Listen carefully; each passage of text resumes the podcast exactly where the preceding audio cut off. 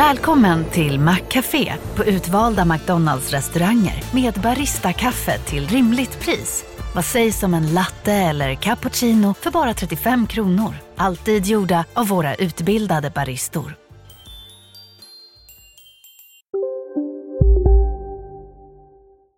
Hej och välkomna till Lisa läser. Det är jag som är Lisa och idag ska jag läsa Den heliga natten. Det var en juldag då alla hade rest till kyrkan utom farmor och jag. Jag tror att vi var ensamma i hela huset.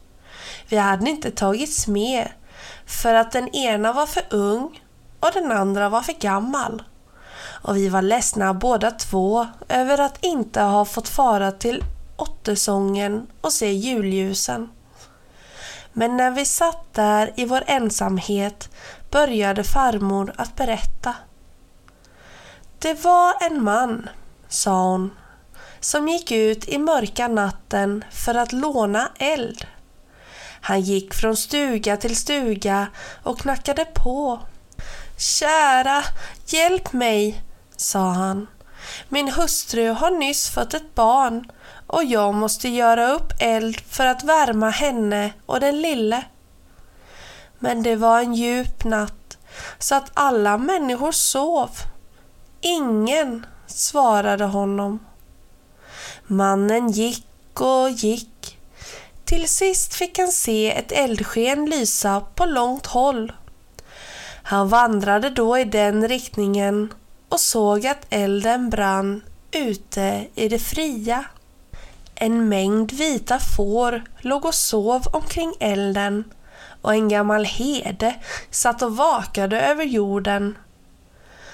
När mannen som ville låna eld kom fram till fåren såg han att tre stora hundar låg och sov vid herdens fötter.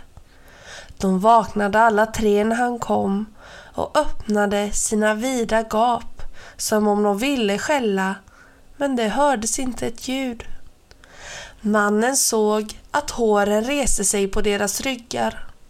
Han såg att deras vassa tänder lyste glimmande vita i eldljuset och att de störtade emot honom. Han kände att en av dem bet hans ben och en om hans hand och att en hängde vid hans strupe.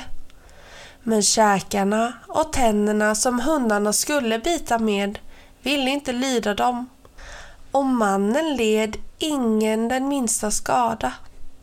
Nu ville mannen gå vidare för att få vad han behövde. Men fåren låg så tätt intill varandra, rygg vid rygg, att han inte kunde komma fram. Då steg mannen upp på djurens ryggar och vandrade på dem fram till elden. Inget av djuren varken vaknade eller rörde sig.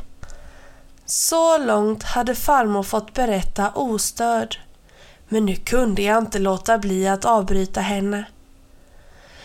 Varför gjorde de inte det farmor? frågade jag. Det får du veta om en stund, sa farmor och fortsatte sin historia. När mannen var nära nog framme vid elden såg heden upp. Han var en gammal, vresig man som var ovänlig och hård emot alla människor. När han såg en främmande komma ryckte han till sig en lång och spetsig stav som han brukade hålla i handen när han vallade sin jord. Han kastade den emot honom. Och staven den får vinnande rätt emot mannen men innan den träffade honom vek den åt sidan och susade förbi honom långt ut på fjället. När farmor hade hunnit så långt avbröt jag henne på nytt. Farmor, varför ville inte käppen slå honom? Men eh, farmor brydde sig inte om att svara mig, utan hon fortfor med sin berättelse. Nu kom mannen fram till heden och sa till honom Käre, hjälp mig och låt mig låna lite eld. Min hustru har nyss fått ett barn och jag måste göra upp eld för att värma henne och den lilla. Heden hade helst velat säga nej, men då tänkte han på hundarna, att de inte hade kunnat skada mannen, att fåren inte hade sprungit för honom och att hans stav inte hade velat fälla honom. Ja, då blev han en smula rädd och tordes inte neka honom vad han begärde. Ta så mycket du behöver, sa han till mannen. Men elden var nära nog utbrunnen. Det fanns inte kvar några stockar eller kvistar utan endast en stor glödhög och den främmande hade varken skyffel eller skopa som han kunde bära kolen i. När heden såg detta sa han på nytt Ta så mycket du behöver. Och han var glad åt att mannen inte skulle kunna bära med sig någon eld. Mannen böjde sig ner, plockade kol ur askan med bara händer och lade dem i sin mantel. Och varken svedde kolen hans händer då han rörde vid dem, eller svedde de hans mantel, utan mannen bar bort dem så som om de hade varit nötter eller äpplen. Men här blev sagoberätterskan avbruten för tredje gången. Farmor, varför vill inte kolen bränna mannen? Det ska du få höra, sa farmor och så berättade hon vidare. När den där heden som varit så elak och vresig människa såg allt detta började han undra för sig själv. Eh, vad kan detta vara för en natt? Hundarna biter inte, fåren blir inte rädda och spjutet dödar inte och elden inte bränner. Han ropade den främmande tillbaka och sa till honom Vad är detta för natt? Och varav kommer det sig att alla ting visar dig barmhärtighet? Då sa mannen Jag kan inte säga dig det om du inte själv ser det. Han ville gå sin väg för att snart kunna få tända upp eld och värma sin hustru och barnet. Men då tänkte heden att han inte ville förlora mannen ur sikte innan han hade fått reda på vad allt detta kunde betyda. Han reste sig upp och gick efter honom ända tills han fann hans hem. Då såg heden att mannen inte hade så mycket som en stuga att bo i, utan han hade sin hustru och barnet liggande i en bergsgrotta där det inte fanns annat än nakna, kalla stenväggar. Men heden tänkte att det där stackars oskyldiga barnet kanske skulle frysa till döds i grottan. Fastän han var en hård man blev han rörd och tyckte att han ville hjälpa barnet. Han lossnade sin ränsel från skuldran och ur den tog han fram ett mjukt, vitt fårskinn, gav det till främmande mannen och sa Det här ska barnet sova på.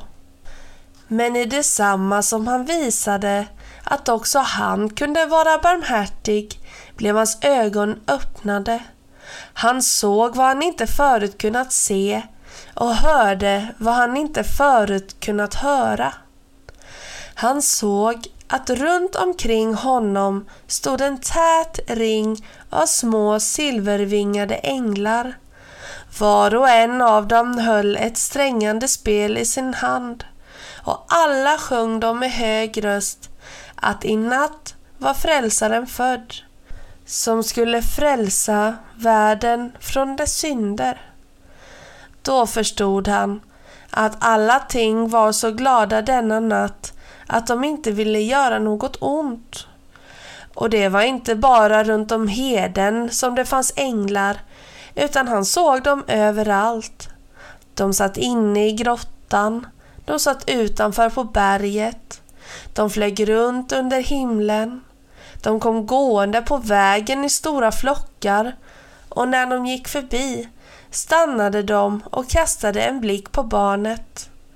Det var sånt jubel och sån glädje och sång och lek och allt detta såg han i mörka natten där han förut ingenting hade kunnat varsna. Han blev så glad över att hans ögon hade blivit öppnade att han föll på sina knän och tackade Gud. Men när farmor hade kommit så långt suckade hon och sa ah, Men vad den heden såg, det kunde vi också se, för änglarna flyger under himlen varje julnatt om vi bara förmådde urskilja dem. Och så la farmor sin hand på mitt huvud och sa Detta ska du komma ihåg. För det är så sant som att jag ser dig och du ser mig. Det är inte ljus på våra lampor som det kommer an och det ligger inte vikt på vin, måne och sol utan det som känns nödvändigt det är att vi äger sådana ögon som kan se Guds härlighet. Och snipp, snapp, snut så var denna saga slut.